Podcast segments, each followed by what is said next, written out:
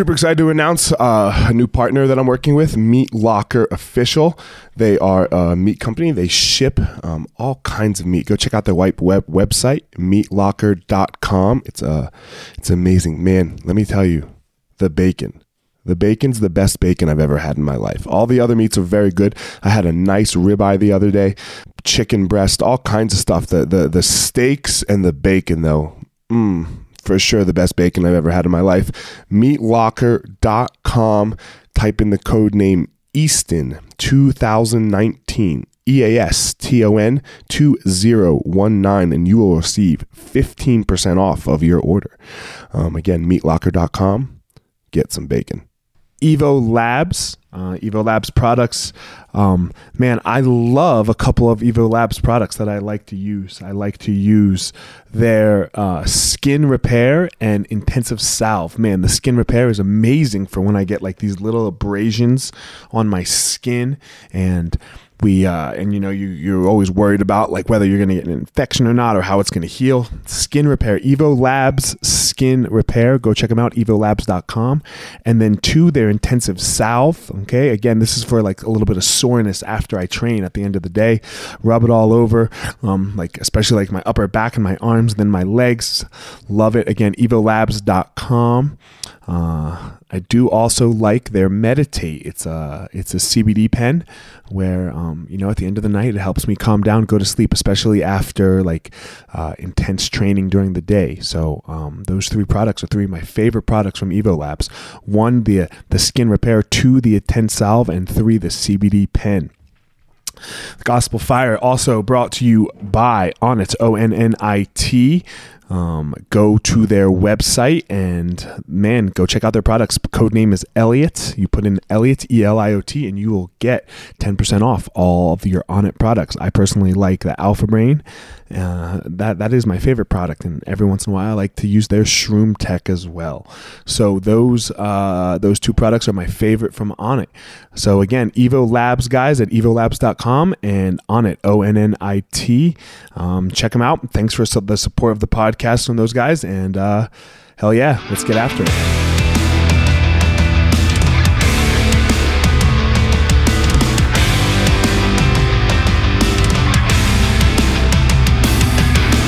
Hey guys, this is former UFC fighter Eliot Marshall, and this is the Gospel of Fire, where we're going to go through the fire to learn how to live the best life possible. All right, guys, what up? Uh, back for another episode of the Gospel Fire, and I am with the one and only creator of Fight 2 Win, my man Seth Daniels. What up, homie? I am good. How are you, Professor? I'm good, man. Where are you? Hawaii, right? Yeah, I'm in Honolulu. Honolulu, getting ready for that fight to win one hundo. Yep. Fuck, it was, it's cool that you're doing it in Hawaii, man. I love Hawaii. How's it? How's it treating you? It's a cool spot, man. I mean, the weather's been a little shitty, but like we're still trying to do some stuff, and you know, I've been able to train every day I've been here, and everybody's super welcoming and super nice. So nice, nice, man. Who's the Who's the main event for this one? uh, my girl Tracy Okay. uh, Goodell is fighting Rita Gribben. We had a we had Barrett Yoshida and Helen Gracie and a bunch of other stuff, and everybody got hurt, you know, and so it just made sense. You know, she was the 2018 Female Fighter of the Year and hometown girl, so Man, I love how you include the girls, bro, and you put the girls to be main events. Um, it, it feels super, uh, super holistic too. It's not like something that you're forcing, and uh, like sometimes I feel like this, like equal opportunity. People try to force it, and you could just, you can just read right through it. It's, it's just too obvious what they're doing, and you don't do it that way at all. You, you know, you do that really well. You, I think you did the first ever girls main event in jiu-jitsu with Rozzy and Mackenzie Dern, right? Yeah, the way I feel about it, like it doesn't matter, you know, like how old somebody is or what they're, you know, if they're boy or girl or whatever. If they're a draw and people want to see them, Right. so it, it what does it make a difference if they're the if they're the baddest motherfuckers on the card? Then why shouldn't they be the headliners? I, I agree with you 100%, bro. I agree with you 100%. The best people should get the best spot, you know? That's I think that's why you're always the main event. Yeah, yeah, you got you got me at number eight right now. How'd you do that, homie? You sent me that picture, and I was like, "What the fuck? What, what are you trolling me for? Would you would you copy and paste?" No, man. No, I mean when we started, they Flow started putting together their rankings. They let me start having input, Right. And right. Um, they had Jared Dopp ranked at number nine, and I was like, "Well, you're missing somebody right above him that just beat him." John so, John Combs too. John Combs too. You know, but not heavyweight. yeah, he'll get he'll get on there for he'll, sure. He'll there, these rankings, these rankings, we're really trying to push them this year to make them like a legit ranking system, like like the world ranking system. That's like what we're trying because they incorporate IBJJF, um, uh, um, ADCC, ADCC trials, and uh, Fight 2 Win and Kasai. Right. So it's, it's basically anybody that competes in any major organization does one of those. Sure. And so a lot of it's based on how you place the tournaments, but with Fight 2 Win, it's just about head to head. It's my favorite thing about Fight 2 Win is it's it's it's right now and it's one you and one guy. Um, it, it's cool, man. Like I, I, really like what you've done. Like you moved away from the MMA scene. Um, why'd you do that? Because I hated it. yeah, man. M- MMA sucks, right? I, I, I agree with you. I love my fighters, but MMA sucks. Why why do why do you fucking hate it? Well, that's the opposite. I hated the fighters. That was the main problem. I felt like I, I've said this a bunch of times in the past, but like when I feel like when a fighter, like an MMA fighter, come, walks into a gym. You know, they walk into elevation. They're like, "Hey, I got to fight. I need, you know, I need you to get me ready for my fight."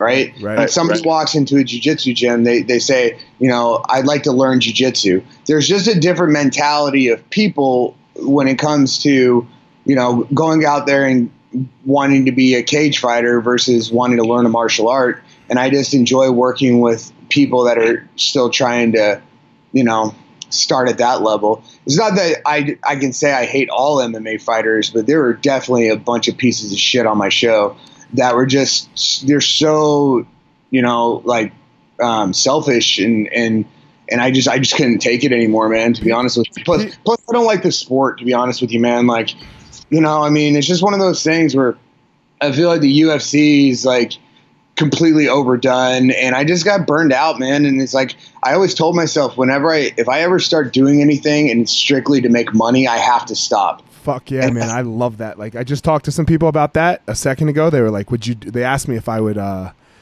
like you know they're like oh you beat Vinny Magalhaes and he just was in the PFL final you know a million bucks man you, like you think you could be a millionaire and I'm like man I, I I'm could I be a millionaire sure but like I don't do anything in my life for money it fucking sucks no, and if you like, I feel like it, if you follow your passions and you work super hard, you can make the money anyways. But it's the sole focus of it, and that's where it got with me with the MMA and the concerts. It was like it was so stressful because those shows were like well over a hundred thousand dollars every single one, right. and so it's like.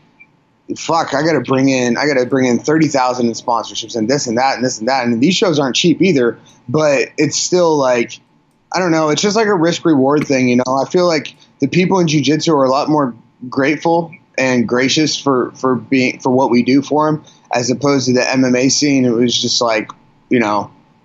They, they felt entitled. I totally I understand what you're saying. Like we try not to have that with our MMA guys, you know, especially uh, since we moved it back to Easton, and um, you know, Easton has a set of core values that we follow, and I believe that the MMA guys have to.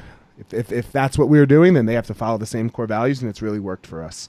You know, yeah, well, so you have a lot of great guys, and I get I get to train with them, and a lot of them, you know, compete on my shows as well. For you sure, know, for sure. But your team isn't every other team, so it's not really fair to compare. You know, one of the number one teams in the entire world to every other fucking jackass that I have to work with on a day to day basis. No, for sure, and that, that's where I was going. So, the, the MMA scene, you have these guys training. Uh, you know, they don't really know what they're doing. They they they are not part of anything bigger than them. You know, yeah. and, and, when it, when everything is and when you're the biggest thing or the smartest one or or the best, what you know, when when that mentality starts to to creep into your life, then yeah, you become very selfish, and you start acting as a different way. You know, and I think we've all been there at parts in our lives, and that can that can go sideways. Yeah, hundred percent. Um, man, so you uh, you you haven't had the easiest path in life, Seth. You know, I, I don't even know that I know your whole story.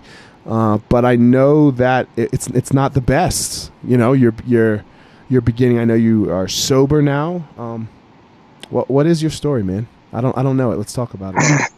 well, I uh, I grew up in in Tulsa, Oklahoma, and um, my uh, my mom passed away when I was six years old, and uh, my dad kind of lost his shit and so like Did my your, whole did your mom passing away? Is that what caused your dad to lose his shit?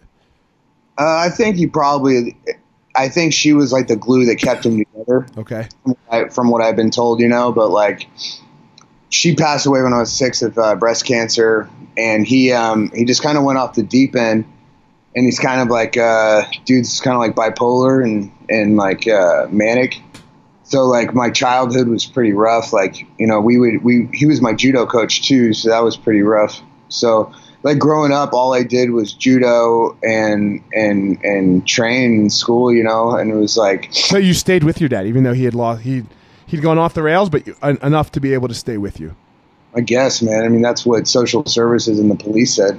But you know, we just we got the shit beat out of us like all the time growing up as kids. You know, so like I got to, I had to create this like tough exterior, you know, to deal with like getting beaten on as a kid and.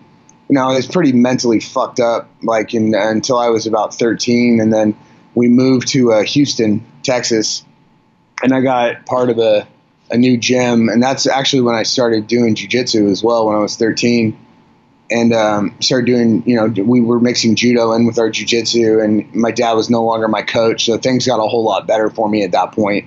You know, For sure, for sure.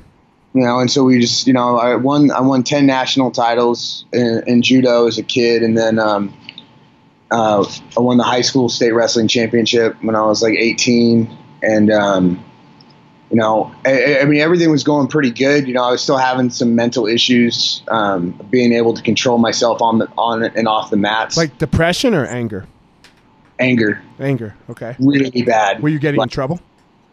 Um, I didn't get in trouble like in school and shit like that, but like, you know, I was like banned for two years in judo because at the junior international championship when I was 18, you remember Manny Gamburyan? Uh huh. So me and Manny were like rivals coming up for the junior worlds, and um, I did this move that was considered illegal for that tournament for some reason. I still don't know why. But anyways, I did it. They disqualified me, which for that match, which gave Manny a spot in the finals, which guaranteed he got to take away my spot on the junior world team. So I lost my shit and I attacked the referee and I fucking dropped him. So Like you, Right. you punched him? yeah, and so I went. I go after the referee. Yo, let me ask you a question. I gotta I gotta cut in real fast. What is with these judo referees when someone like I don't know, I've watched like three judo matches where, where people get put to sleep, where the referee just stands there and looks at them like they're dead. Yeah, that's what they do.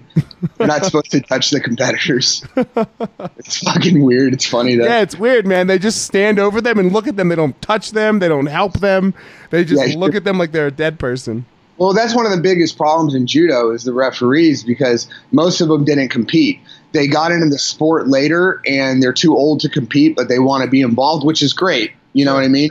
But at the same time, like you don't know what the fuck these guys are going through, and they have like this bureauc, you know, this this like power complex with their mustaches and their stupid fucking pants, and then they sit there and fucking they they're just so disconnected from the athlete. It's like it's so different than jujitsu like completely different. Sure, sure. All right, so go back. You punched the fucking referee. Punched, dude.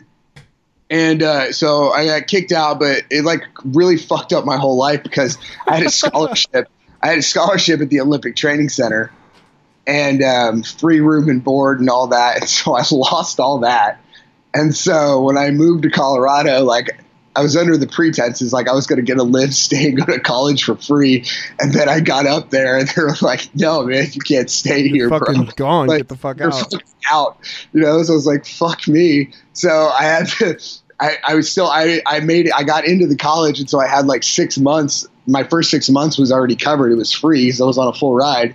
So I was like, well, fuck it. I'll just, I'll, I'll just work, you know, at 24 hour fitness and I'll, you know, I'll, I'll just make money and pay for my college. And then after like three months, I was like, fuck this college bullshit. I'm just going to go make money. And then, uh, and then I quit judo and just pretty much worked for the next, you know, six years and partied and, you know, just did a bunch of drugs and hooked up with sluts and fucking like after, you know, six years, I ran into Mike Nichols and, and Josh Ford and, they uh you know it's like one of those things you know when you meet that guy like say you're at a restaurant you go to like a taco place and he's like yeah man like i was a badass in high school and i did this and i did that what's the first thing we do we invite him into our gym Of course. Right? Oh yeah. that's what we do Number So, one. i was getting tattooed by josh talking about you know how awesome i was at judo What year is this? 2005 Okay. you know talking about how awesome i was at judo so obviously i get the invite And You how, know? how old are you in 2005? 25 Okay, so you and I are the same age, Mm. 1980, 20 uh, 81 81. All right, yeah. So you're you're a millennial and I'm not. I don't know about that. Go. I don't know how that works. I believe it actually. So they invite me down to the gym, you know, and I'm just like, you know, whatever, you know. I'm like, I, I'm gonna go down here and fuck everybody up, you know. Dave, Dave, Dave Ruiz's spot, right? Colorado Dave- BJJ. Yep. Dave Ruiz's spot, Yep. and the first day, my first role was Robert Wonderlick, Okay. and then I had Angela Swimmer and Matt Cram and Big Mike, and so like. I don't know these guys at all, so I hit like I hit an inverted tri or, a, or my reverse triangle on uh, Matt Cram, and I choked out Angelo, and then Robert and Big Mike just beat the shit out of me.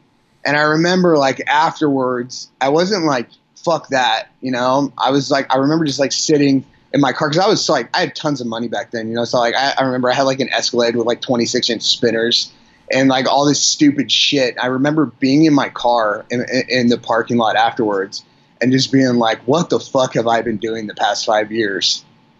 You know, Just dicking around. Just dicking No. around, doing the fuck- drugs, right? This money and girls and fucking working 120 hours a week. Like, what the? It was like instant. I was like, I got to get my ass back in shit because I was like 240 back then too, you know, because I was taking a bunch of steroids. And so like I was fucking man, bro. Uh, yeah. So I got I was so sore though that I couldn't go back to the class for another week because my body hurt so bad because I hadn't done anything like that, you know. Mm-hmm. And then um, I went back, and then and you know how it goes from there, you know. And then I remember like one thing that was a major change for me when I was a I was a white belt. I was like a three stripe white belt, and I remember the night before I went out and I was doing ecstasy, and I hooked up with this girl, and I remember coming in to the gym like rolling, and like just smelling like straight up whore, and fucking Dave was like, "Bro, you can't train today." And I was like, no, no, I'm good. He's like, fine, whatever. And so I like put my gi on and all that, and all the upper belts just beat the fuck out of me. These are And that- these are the old days of jiu-jitsu. That was the last time I went to jujitsu rolling on ecstasy. Nice. And, nice. um, And then like I quit, and then I, I used to smoke so much weed, you know, and it was like I was hitting at least like fucking an eighth every other day just by myself, you know, and it's just like I got I was like, man, I got to get my wins, got to get better, you know. I was like, I got I got to I got to get healthier, and it was just that that trend that just kept kept happening, where it was just like wanting to better your life one step at a time. But my push for it was doing jujitsu. it's amazing that jiu-jitsu does that to so many people. Yeah. Like just just the the first time they step on the mat and something happens to them, and they're like, "God damn!" Like, what is it? Because you got fucked up, and that's everyone's experience. It's not like you come in and you beat people's ass. Like it's it's the other way around. And Yeah. for some reason, you're like, I, I need that again. You know, it, it's like the greatest drug in the world. Yeah, and then you know, I, it was hard. It was back then. You know how it was for all of us. You know, it was all the cool guys were at TSKOs. You know, Mhm. so like I wanted to be part of that. So I was like, all right. So I started. I, I, I went from you know I'm working 120 hours a week at 24 Hour Fitness. I'm the vice president of the company. Versus I'm a white belt. As my rank starts going up, my hours start going down, and eventually I could give a fuck about how much money I'm making you know, and eventually I get demoted once, twice, three times because I just don't care anymore. Right. You know, right. because because it's just like it's just not me. I'm I'm not meant to sit behind a desk and call people and sell people shit that they don't need. You know, and um and so like over time, it just like it became everything, became my whole life, and then tried MMA fighting and it was fucking terrible, and uh, that was the hard. That's one of the things though about like I, I had a lot of problem with fighters, but I, I respect everybody that goes in there and does it because it's fucking hard and it's horrifying. People It's- don't realize that. You know, it's Like, the scariest yeah. fucking thing in the world because I never got in fist fights. The only fist fights I ever got in a kid was with my dad, and he's six foot two and three hundred pounds. That shit was very one sided when you're a nine year old, and so like I get in there and I seriously, I've never been in a fist fight. My first fight ever was at Ring of Fire against Jesse Henley. And I remember just being like, they closed the doors and they're like, fight. And my hands did not move. I was just like, what the fuck am I doing here? What am I doing? And dude was just like hitting me and I just couldn't do anything. I was just like completely stunned, you know? You were on that card too. I think you were the main event. It was the one that Shane Carwin was on and Michelle. Oh, yeah, Waterson. yeah, Rob McDonald beat me up at that one. Um, yeah, that yeah, was. the I just card. did a podcast with Rob. Rob and I are friends again now. We've like reconnected. Um, He's a good guy. Yeah, and then you know, so you should get him on a fight to win. He wants to fight someone good. I remember, I remember backstage, Brad Fox was like trying to get me to calm down, like before the fight. B Rad? Yeah, Fuck and yeah. then- like telling me a bunch of horrible jokes, and I remember him like, dude, like I don't want to be here. Like backstage, I was like, I don't want to do this. That's how He's- Cowboy used to be. He's still kind of Yeah. like that a little bit. I can remember my second or third fight. You know, when when yeah, you're you're still really scared shitless. You know, Yeah. and like Cowboy comes up to me. We're backstage, and he's like, "Hey man, let's go." And I'm like, "What?" He's like, "Let's leave."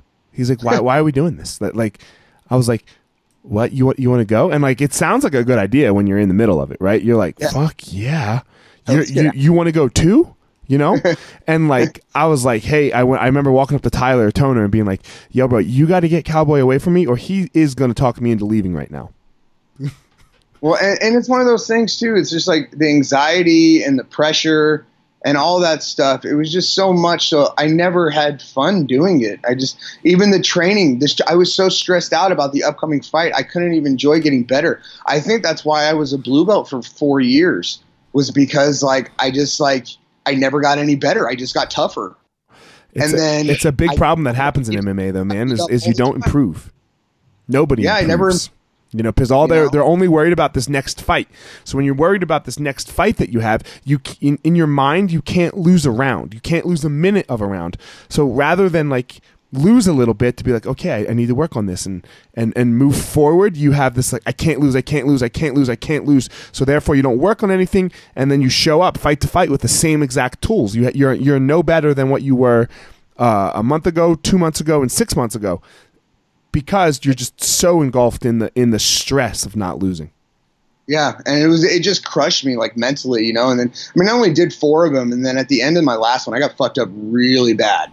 Like I, I broke my jaw and I my was nose. there. I remember. It hurt so bad, and I remember being backstage with Oscar and Dave, and I was like, I don't ever want to fucking do this again, Yeah. ever. And Oscar was like, Thank God. You know, he was like, they had my back. They had my back, dude. You know, they were like, "You want to do this? We're with you 100. percent Whatever you need." But like, you could tell that like afterwards, they were just like, "Thank God this is over." Yeah. You know, and it was it was like a huge sigh of relief. I felt like I lost a thousand pounds, like the same way it was when I quit promoting MMA. You know, and then and then at that point, I remember meeting with Sven like two days afterwards, and and uh, the reason I started doing the MMA fights was because Keith had done some shady shit to me before that last fight. Schmelzer. Yeah, I was supposed to fight this dude that was 0 and 1, and I was like 1 and 1 at the time, and he switched it at the last minute, at literally at weigh-ins after I lost 30 pounds to a title fight against a guy that was 7 and 0 named Sam Farrell. Yeah. This was this was at Red and Jerry's, right? And I remembered being like, dude, like, you know, Oscar's like, fuck that. And I was like, bro, I lost 30 pounds. Like, I'm doing this, you know? And I just got this shit beat out of me. And I was like, I know I can do better than this. I know I can.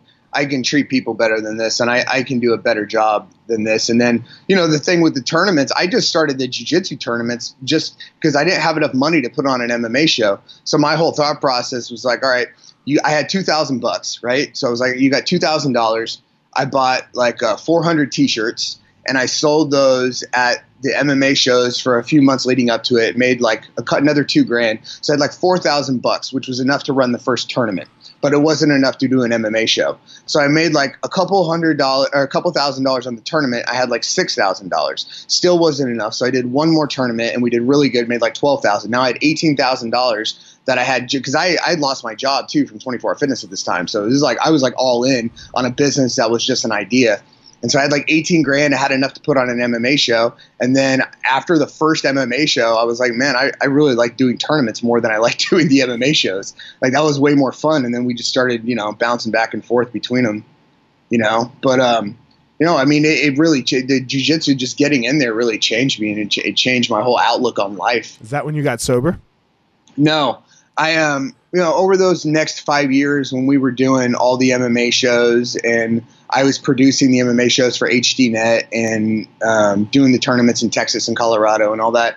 Um, you know, we traveled a bunch, and um, I would. The road's not good, right? The road is tough for drugs, man. The road's tough, and it wasn't. I wasn't. I, I wouldn't really consider myself an addict. Um, you know, I didn't have to go through the twelve steps like my wife did or anything like that. Um, you know, but I, I, I she I was would, in a different scene, right? She was in like the club scene. She was a fucking badass DJ, right? Right. Yeah. So she was like really into coke and drinking and stuff like that. Like I was just into partying. Okay. So like I didn't like sit at home and drink or sit at home and do drugs. Like I would just like go out while I was married to my ex-wife, go out, go to go to the after parties of the show, bang the ring girls, and then fucking go home and act like nothing happened. And normally, like I'm not like that normally as a person. But when you start mixing in, you know, drugs and drinking, like you're all the fucks start going away. That and the fight life, man. And the fight it's just, life. It's yeah. just how it was. And I just got tired of myself, to be honest with you. You know, I cheated. I probably cheated like a thousand times, and I was just like, man, this is fucking stupid. Like, what am I doing? And so we wound up splitting up when I was 30, and then. Um, uh, you know, I got with Lauren pretty soon after that, and that's actually a pretty funny story because the first time we started talking. I went to hang out with her in California for one of her fights, and she was like, "Well, I just want to let you know I'm an alcoholic." And I'm like, you know, in my mind, I'm like, "Cool, this bitch likes to party," you know. So like, I didn't really understand like she was like a seven year sober alcoholic, and so so like the first night we went out, like I got completely shit faced right? And I was like, you know, like trying to make out with her in the bar and like all, and it was just like, can you imagine that? Like as somebody that you're talking to and you're completely sober. You guys you are know? just on different planets, man. She's like, I'm an oh. alcoholic, like I'm not drinking anymore, and you're like, you're an alcoholic. Fuck yes, me too. Yeah.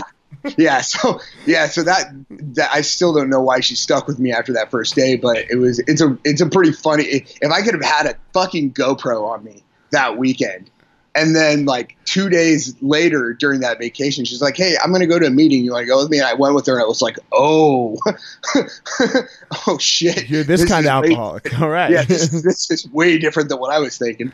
But so like after that, you know, I really wanted to be with her, and I realized how important it was to her not to uh, not to drink and all that. So I just quit. That's why I quit. So I just quit drinking and quit doing everything else, and just started, you know, living you know, fucking really straight and putting all my time and energy into growing this business and and doing jiu-jitsu. Fuck yeah, man. It seems like like I mean, I don't I don't know. I'm going to ask you, but like uh, from an outsider's perspective, like I don't know your relationship with your ex-wife, but I see around that all the stuff with your kids and stuff that you guys have together. It seems like you guys have been able to at least make peace there to to be around at the same time for the kids. We both had to have it. We both had our own demons, you know, but I mean, in the end in the end it's not like we're you know best friends or whatever but sure. you know, we're friends and you know we you can't just you, if you if you're going to co-parent with somebody you, you can't talk shit about the other parent especially not to the kids right right and, and you can't you know you, you have to be able to compromise and you have to be able to give and you have to be able to deal with you have to if you love your kids if you're just a piece of shit then you can do whatever you want and not talk to your kids but we, we're 50-50 parents so i mean there's really no i don't see i don't understand how people can do that like i don't understand how you could have kids with somebody and co-parent with them and then hate each other it doesn't like, work There's, it doesn't it's, yeah. it's impossible it's impossible. Like, it's impossible for your kids to have a normal life. And me having such a fucked up childhood, it's super important to me that my kids not have a normal life, but have an extraordinary life. And you, you have your one son, Carter, right? Who just smashes. I get he's a stud athlete, right? Yeah, Carter is a uh, he's twelve year old. He's I mean, it's my opinion, but I think he's the best defensive football player for his age group in the state. Fuck yeah! And um, he's I, pretty decent running back, but incredible middle linebacker, decent point guard in basketball. Um, but he, he he used to do like five sports, and now he just really wants to focus on football and basketball, which I'm totally totally cool with. You know, sure, sure. And my my ten year old Gabe is a gray belt over at Easton, and they're just they're completely different people. You know, it's like my my my oldest is a stud. He's you know five foot three, 120 pounds with an eight pack. like gets hit up on Instagram by like a million different girls, and my ten year old is like a sweet little chunky baby. Oh, like that's funny. It, it's com- they're completely different human beings, you Man, know. I had a I had a crazy like it was kind of cool for me this weekend. I had uh, Simon, my youngest, um, played in his first like organized game basketball. He's five years old, but he's been competing with his brother at sports and everything basically since since he could get up and walk. And and my oldest is like he's a sweetheart of a kid, but like he he loves sports and he likes competing. So like I don't know that Simon's ever won anything you know, like like ever. So I guess that's kind of made him a little nervous. But he's also very athletic because of it, compared to like he's probably as fast as my oldest, you know, and they're three and a half years apart. So Simon played in his first game this weekend, and you know they're five years old. They're five year olds, right? So most five year olds can barely run, right? And you know for for sure they can't fucking dribble, and you know, shooting, that'd be another that that'd be difficult too. But Simon's been trying to keep up with Kanan, and Kanan makes him play on a ten foot hoop, which is really hard for him because Kanan doesn't give a fucking inch. And man, this eh. hoop this hoop was six feet tall, and my, and Simon could run. He can run and dribble. You know, both at the same time. Holy fuck, he was a rock star. And like the coolest part was his bro was Kanan was like cheering him on. He's like, "Yeah, Simon. Yeah, you're the man, Simon. You're the man, buddy." He's like telling him to run back. He's like, you know how like after like in the NBA after they after they know they made the shot, they just walk back with their hand up in the air. He's like, "Keep your hand up in the air, Simon. Keep it up." But you want to know why? You're the man, Simon. It, it like like the how much his brother loved him. It made me so happy, you know, like because he's only good because of his brother. And you That's know, aw- that's to- awesome. it was hilarious, man. It was, and Simon was like, "Oh yeah, I'm the man." Well, I mean, I think one of the things too is important to me, like because that that competition was happening with my kids too, right. when they're coming up. But I mean, it's like it's such different worlds between the two kids, just like their body styles, you know. Right. And so, Right. like, it's really important to me that they don't play the same sports. Gotcha. You know, Gotcha, yeah. and so it's like you know, Gabe is playing basketball, but like rec basketball, and then Carter plays on a 14 year old gold crown team, and he's 12. Sure. You know, sure. it's like it's a different world, you know, and it.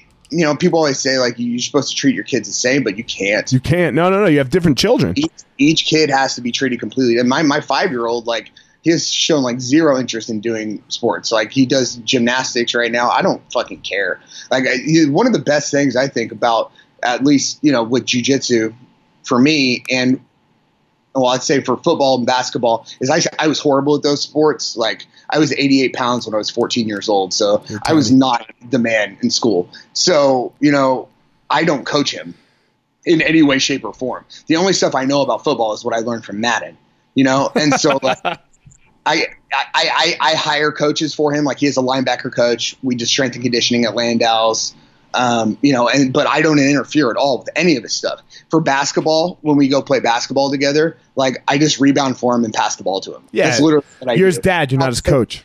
I'll play him one on one and he'll just smash me. He's better than me. He beats me. Right. You know? But but with my with my son and it's really helpful and I think this is an important thing, you know, if you're training jujitsu or your kid trains jujitsu, um, you have to be able even if you're a black belt yourself, you're not necessarily a black belt instructor. And so, you know, when it comes to my 10 year old, Jamin is his coach. And Jamin, you know, is a 130 pound purple belt that I can beat with both hands tied behind my back. But I can't coach a child like in any way, shape, or form. And it's so nice to know that you can leave your kid at a school or at a football practice or whatever and know that they're completely taken care of and they're going to get the best instruction possible.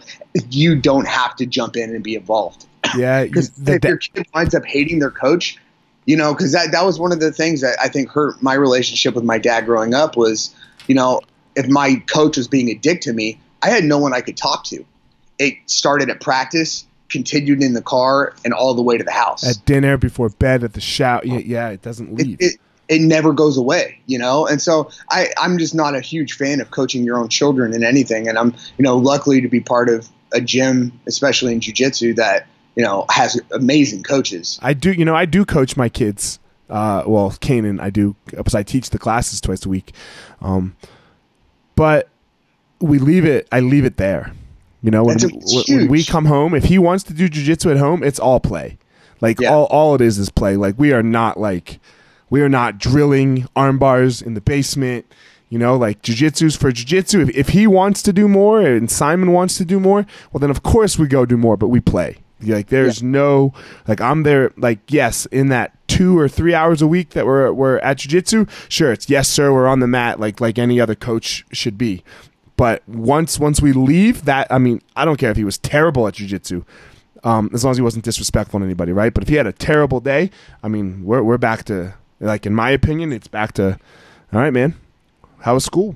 How was how was basketball? How was football at school? How was how was the you know like what what'd you do? You, know? you, have balance, and you probably had a good father growing up that taught you that. I had the best you know? dad. Yeah, I, I have to dad. I have to go completely based on what I would have wanted as a child. Right. So I have to be the parent that I wanted growing up, not the one that I had.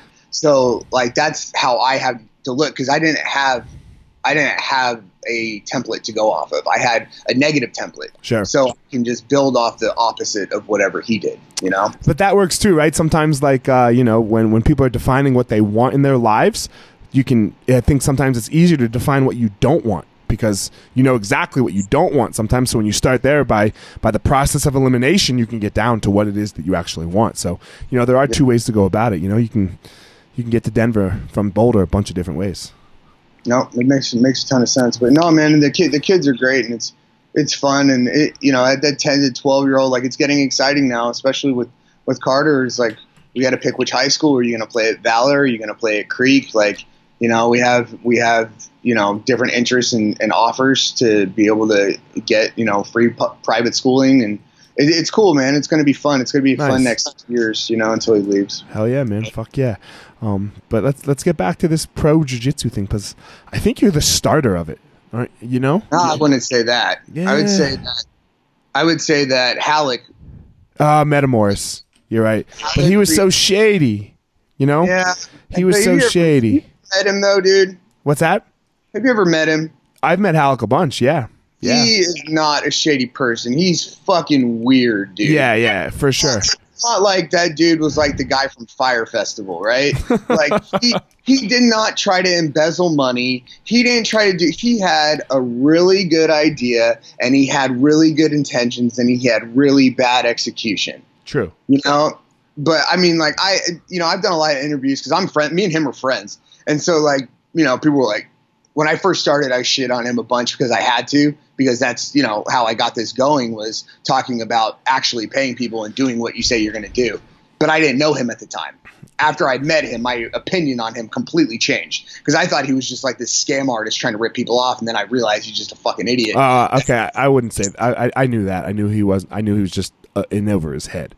Yeah, well, I didn't. I didn't know that when I went, went before I met him. You know, before I met him, I was just like, oh, this guy. But he created a really cool concept and you know he um it was you know the, the production was decent. It was like a you know lfa or something like that. And it was it was cool. He had the best guys in the world out there competing. And um i remember watching the eddie bravo versus royler 2 uh-huh, and uh-huh. i loved you know i loved it. And then afterwards when gracie mag wrote that horrible article and like only featured pictures where it looked like Royler was winning the match. And then Eddie was like, you know what? Fuck you. I'm doing my own thing. Right. And then Eddie created EBI, and it was a tournament format. And I was like, you know, this, this what they're doing is not sustainable. I was like, you got you got fucking 16 guys, and two of them are from the city that they're fighting in. And then this one, you've got all these expensive ass athletes, and they're not from the city. So you're completely counting on hardcore pay per view, hard yeah pay per view. And I was like, I need to convert this to where I can do regional shows like I do my MMA shows, bring in top level talent for the last two, fill the undercard with locals, and not focus on the internet and focus on telling selling tickets. And maybe the internet comes later. So I just took what they were doing wrong, in my opinion, and did it my way. And this was like right after I did um, my second to last MMA show, I remember telling I bought all that concert equipment and I told my wife I was like I hate doing concerts and I hate promoting MMA fights. She's like, "Well, you spent a quarter million dollars and we have nothing left, so with it." I was like, "I don't know. The only thing I like doing is I like jujitsu and I enjoy throwing the party." She was like, "Well, just throw parties for jujitsu," and I was like, I don't know if people will come. And she was like, well, make it exciting somehow. You know, because in, in general, I think, in my opinion, jujitsu is a very boring sport to watch as a spectator, like traditional jujitsu. Yes. You know, like watching an IBJJF matches, it's like I'd rather fucking watch two flies fuck on a wall. And so I'm watching, I'm watching it, and I'm watching Metamoris, and then I, I, I watch ADCC, and I start pulling what I like from each rule set. You know, and so I was just like, you know, I think what what we're gonna do is just take away all the rules and just let people do whatever they want and only do submission only, which I was not a fan of for my regular tournaments at all. And so Well, it's hard. To, it's hard. It's hard to get definite winners, right? it's hard to get it is hard to get definite winners, but it opens up the game. Oh, I like. I, I love your rule set.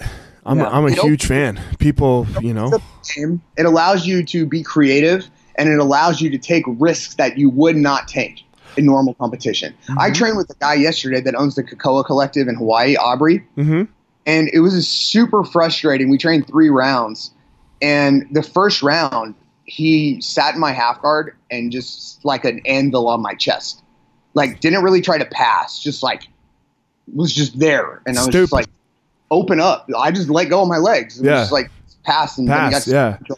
and just I. I don't even fight the pass, bro. Like Neither do I. it's because it, you know it's because I'm too old personally. Yeah. Like I, I can invert one time. Like I can like invert one time, and and if you deal with that one invert, well, fuck it. I'm escaping side control. Yeah, good for you. And so he, You know? he- yeah. He, so and then the second time we go, I was like, all right, I'm gonna get on top this time. And then it was like it opened up a little bit, and then the third time I was like, I'm just gonna stand up. And so I like stood up and I just played open. I just fucking murdered him. Yeah. And it was just one of those things where it's like when you can open up your game, you know, and you're not so stuck. You know, I feel like it, creativity comes. And so w- we did the first one, and I, you weren't a part of that first one. Think I you- was in, I was in uh, Mexico City. I remember watching it on the internet. and I remember like doing it, and I remember thinking like I got to be able to make it look cool. So we did a little bit of stuff, and then the second one, and then we started picking up, and then I, you know, I, I went in and I spent like a hundred grand on the sixth one. But the, the scary thing was traveling out of state and doing all that, and it was really hard. You know, Andre Galvão, you know, was a huge part of us being able to um, expand. Just that he did it. Well, because the first when I when the first four shows I don't count. Like people always ask me like when Fight 2 Win started. It really started at show five because the first four shows it was Denver and Texas. Right. Like Denver, Texas, Denver, Texas, right? I've been doing all of my events there for 12 years. Of course, they're going to be successful. The first one, you Sure. know, like people are going to support, you know, whatever. But San Diego, I knew nobody. So Right. I'm going out there and I announce it, and 53 people applied for the show. And and that's like from all over California. Like 12 people from San Diego applied to be on the show, and I'm like, Fuck. fuck, this doesn't work. Like it, it only works in these two markets. I can't do it. And I remember being like, what do I do? And then I was like, you know what? I'm gonna fucking reach out to Andre and have him help me. And I was like, dude, I need more guys because I knew Andre because I booked Angelica originally to fight Rozzy, Right. and she got hurt, and I prepaid her. He made me prepay her show money up front because he didn't know. You know, he was like, he thought it was gonna be like a Metamoris thing. So I sure, paid her sure. I paid her her show money up front, sent her a check, and then she got hurt. And I told him, I was like, nah, man, just keep the money and help pay for her PT or whatever. You know, she was Mhm. training for the fight on my show. It's cool, you know? And so he kind of, I felt like, I didn't feel like he owed me one. He felt like he owed me one. And so when I reached out to him, I was like, can you get some of your guys to apply, dude? Like, I, I want to do the show. And, and then like after like a couple days of him sending me names, I was like, you know, how much would it take for you to fight on the show? And he gave me a pretty high number and i was just like you know what? Fuck it. Let's do it. And as soon as i signed him like people were like oh this is legit. Sure. like he signed Galvão and Galvão is like on the internet saying like i'm the main event on this show. You guys need to support this event. And then i signed barrett and then everything opened up after that. And then the san francisco show was our was like our big break. That was like our big one. We sold 3000 tickets to it and like it was it was just it was a huge event. Biggest event we ever had and it was like you know flow covered it, and it was just it, it really showcased because we had like about half of the production we have now, but we had it back then, and it was so much further than anybody had ever taken lighting and sound and video for jujitsu. And in that market, like it's such a big market that people were just like blown away by it, and the word just spread all over the country. Yeah, man. You know? I, I, fucking love competing in fight to win. It's my favorite thing to compete in right now. You know. Well, the way I the way I look at it is like I feel like what we've done is we've created. Big Mike was saying this too. Like we've created a fight mentality to where I'm training for like an MMA fight, but I'm not doing an MMA fight. Like mm-hmm. I've teammates getting me ready. I've got posters, I've got flyers, I've got promo videos. I'm becoming I'm 43 years old over here becoming an a a star athlete. I have fans. I'm making money doing something that is not that stressful. Yeah. It, you know, and, and, like I don't have to get in that great a shape to do it. Like people people normally compete at their at their normal weight. Like people don't drop a ton. I drop a lot of weight when I fight, but that's just because I get so fat, you know. And so like, but most sure, people, like the top guys do. Like you said, the main event guys in the co-main event, yeah, sure, those guys are serious, you know. Yeah. But but the rest of the card, I every I feel like everybody's serious. Like everybody, like even in the gym, you can sense it. Like what like, I'm saying by serious is like they're serious competitors traveling the world and the country trying to fight you know, right. and trying to build their name. Everyone else like is going to do this event that's that's serious to them and cool, and it like it like puts the pressure on them, which is which is really cool. I think I think people need that in their life. When I, I think it's also I think I think when we did this and we created this, you know, this structure and this ability to create these. La- as I always say, I'm trying to create these lasting memories for these people, like sometimes you get a 50 year old i have 50 year old 60 year old guys that compete on the show their grandchildren get to watch them do this they will never forget that. Uh huh.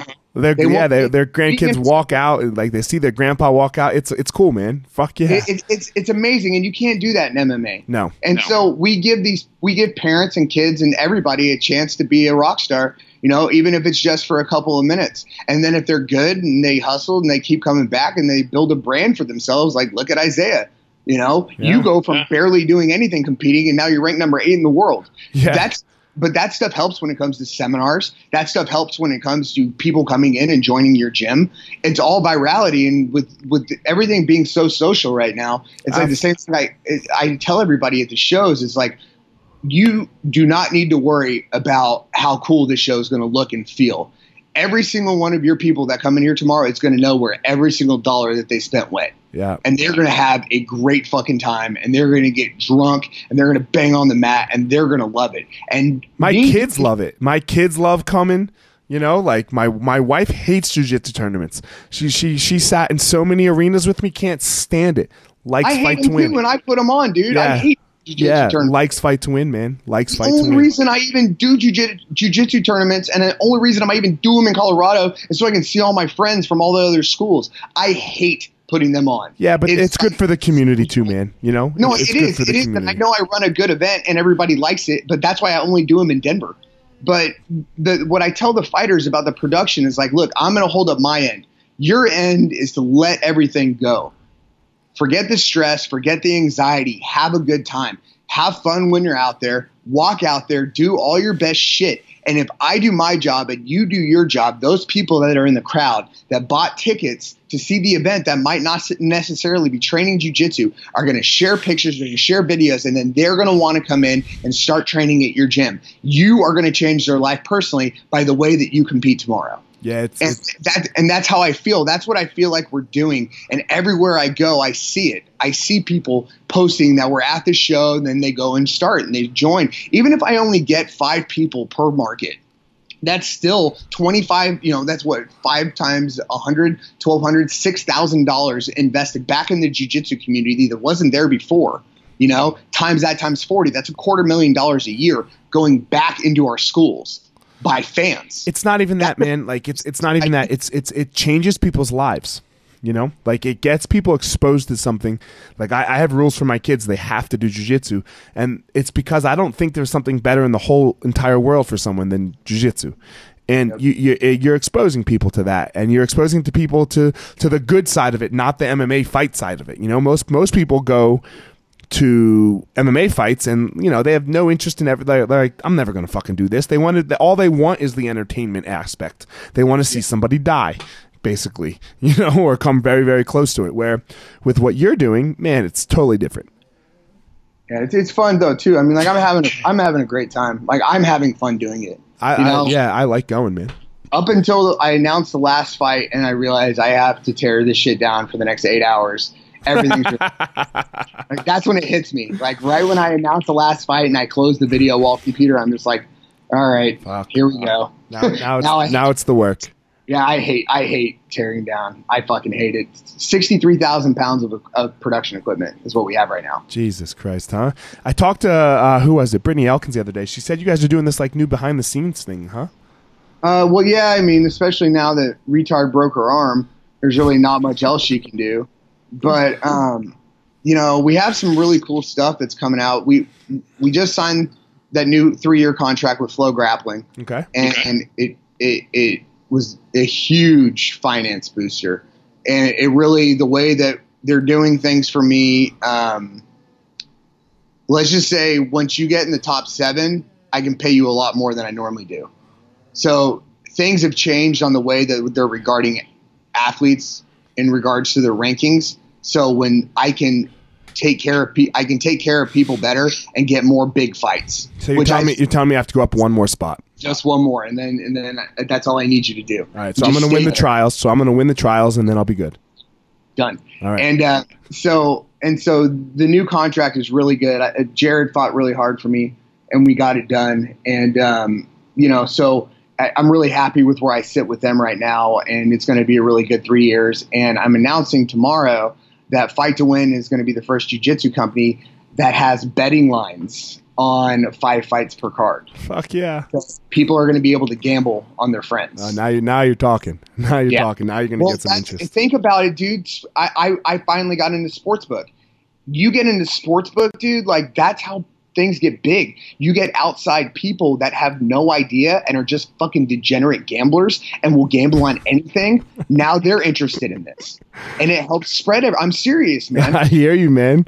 It helps I hear spread you. I you know people like you know professional. The reason that professional poker players are all broke broke is because they go win all the money at the poker table and then they go fucking lose it at the craps. Yeah, I mean, and and this sportsbook deal that I, that I just hit, I'm not I'm not making you know obscene amount on it. I thought I could get paid off the lines, but evidently my lawyer says that's illegal. But uh, he's like, you can't match make the event and bet on it yourself. And I was like, why? The lines don't make any sense. I can make a killing. You, you can't do it. It's like, God damn it. So yeah, Dana White is not allowed to bet on UFC fights, yeah, bro. Yeah, so that's where I'm at right now. But you know, it's going to be really cool, and I'm excited for it. Um, you know, to see just see, just to see how the interest and how the feedback goes. You know, I'm I'm anticipating some negative stuff, which is more fun to me than the positive. So we're announcing that tomorrow. Um, it's going to be on mybookie.ag, Okay. and fuck uh, yeah, so it's going to be cool, man. It's going to be cool. Like I'm hoping that they pick my fight in Denver because it's just a cool thing to see people gamble on you. Like that's Uh-huh. I gambled on you. I bet. I remember. I bet ten thousand dollars when you fought Jules Bruchez, and I only won eight hundred and seventy-five bucks. Yeah, that was a tough bet for you. I, I, you, I was not, you know, I mean, like, I wasn't losing that fight, but nobody made money on that fight. I but it think I was was, a guarantee. I think I was a minus seven hundred or some shit. it was minus eight seventy-five. Yeah, That's what it was. Yeah, something crazy. And I remember betting. I bet ten grand on that fight, and I made eight hundred bucks after it was all said and done. I remember Uh. my was so pissed at me. I was like, "It's a guarantee." I was like, "He cannot lose. It's impossible." It'd be pretty. Yeah, that you know, I, I, I like Jules, but at that point in time, it would have been very hard. Yeah, he's a, he's a good guy. He's a good guy. Um, he fought on one of my shows too. But yeah, you know, I mean, we, we got some new stuff, and then you know, Brittany's doing a lot of behind the scenes uh, videos and stuff like that. Just we're just trying to get these fighters as much publicity and attention. And I've got some new sponsors, and some of the new sponsors are really wanting to work with the fighters. Like Leo uh, Leo Optics gives us a pair of sunglasses to give for the submission of the night for purple, brown, black. And I'm hoping that you know those guys post that and they see a following, and maybe they get pick up that sponsorship too. You know, so I mean, like it all works together. You know, so it's just like trying to trying to keep the platform going. We've got um, we're going international this year too, so that's a big step for me. It's this Hawaii step, yeah. Hawaii was a big one for me, and now that I know I can do it and it was successful, um, well, I mean, we're still going to lose a bunch of money, but it's whatever. But it, it's successful in terms of how many tickets we sold. It's Sure. going to be the second biggest event we've ever had, and um, and, it, and this is a tiny fucking place. Like you can get through this whole city or like this like this island in like 45 minutes in a Yeah, car. it's tiny. you know? Mm-hmm, And uh, so we're gonna go to Tokyo later this year. Oh fuck yeah, that's hot. That yeah, I've been I've been wanting to do that, and that's one of the main reasons that I'm incorporating judo as well. Was um, because when I go to these international markets, like when I go to Tokyo or when we go to China, Judo's or- huge, right? Judo's huge in Japan, obviously. They're too small. So why would I want to fill a card with fucking purple belts that barely compete in jujitsu or Japanese jujitsu guys when I can fill the card half with badass judo motherfuckers Yeah. and half with judo black belts? That'd so that's kind of where my thought process is with the judo thing. And I, I'm excited because I feel like I'm not. I, I'm Look, not. man, the best part about it, Seth, is you're just not afraid to fucking fall on your face. You're not Um, afraid to flop, you know? Which is everyone's so scared of maybe this judo thing ain't gonna work. Who knows? But you're like, fuck it, I'm trying it. Let's go. Yeah, who cares? I mean, that's one of the things too, though, is like I, somebody posted something or when Nick Delpopolo posted that thing about you know that he wasn't getting paid for judo and all that. Like, I didn't really care that much, to be honest with you, because he hasn't won anything. So like, I'm like, yeah, I get it, you're an Olympian, but like, you know, fucking, you don't won anything in like seven years, so why Sure. should they be paying you? But at the same point, I was like, I know how hard it is to become number one Uh huh. because I never got there. Right. You know, I got to number two. That was as high as I ever got. So I was like, maybe I should create something for these guys too, because those motherfuckers put in just as much work, if not way more than we do. Yeah, and man. it's it's way harder on their bodies. So let's see what happens. Let's let's give them a chance to go out there, slam each other, and we're gonna see some cool new submissions. That's one of the other things with judo that you don't get with jujitsu. You don't get 15 second fucking transitional submissions like this Right. they're amazing. You Mhm. know, like the way like those clock chokes and stuff like that. They're just better at it than we are Yeah. Because they have no time. They, Everything. they have to. They just go boom. Here, I got to make this happen right now. Got to go. and, and so I think we're going to get a lot of exciting stuff from it. You know, I haven't had a ton of people signing up for it. We've got one in Colorado, uh, one in New Mexico, then we'll have one in um, uh, some in Dallas. You know, but I think it'll pick up, especially when we go to the, the East Coast, and I get if I get Travis Stevens on the card or Jimmy Pedro, Sure. or like a, a big big name like Kayla. You know, Whatever. we you're just not. A, it's cool that you're. You know, people like what you said. You're going to lose a bunch of money on the card, man.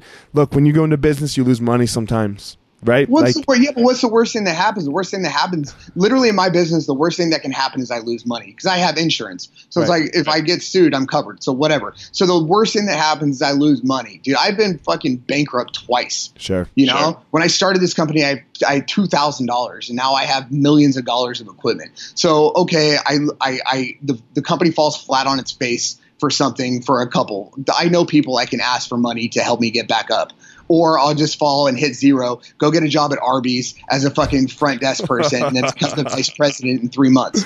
You know what I mean? It's just, it's just like it doesn't. I I'm never worried about taking chances, and I'm never worried about taking risks because I know if I lose everything, I can get back to where I need to be. Fuck yeah, man. That's that. that we're ending right there because if you lose everything, you're you'll get back. Seth, I appreciate it, man. I think everyone tell. I mean, I'm sure everyone knows where to reach you, but tell them where to hit you up. Uh, just hit me up on Facebook or Instagram. It's the easiest way. I probably won't return your messages, but I appreciate the love. Fuck yeah. Fuck yeah. Thanks, man. Thanks, bro. Thanks for the podcast. I hope everyone enjoyed. All right, have a good day. All right, you're the man, Seth. All right, guys, thanks for listening to this episode of The Gospel Fire. Don't forget to check me out on all of my social media at Fire Marshal 205. Again, at Fire Marshal 205. Go to my YouTube channel. Um, Fire Marshal 01, that is, for YouTube, where you can follow. I'm, I'm making these videos 100K strong. That's the goal for the year. I want 100,000 strong listeners to the Gospel of Fire. So I'm making, trying to make a video a week so that you guys can follow along on my journey of, of how I go about my day, some things that I talk about, some things that I try to work on for myself. And then finally, don't forget my website, eliotmarshall.com, where you can get up to date with everything that has to do with me personally, the Gospel of Fire. You're going to find all about my book release, um, also called The Gospel of Fire, February 12th. Will be for sale on Amazon that whole week for 99 cents. So, all that information at eliotmarshall.com. Thanks again for listening. Thanks to my sponsors, Evo Labs and Onnit. So, uh, that's it, guys. Hope you enjoyed the episode.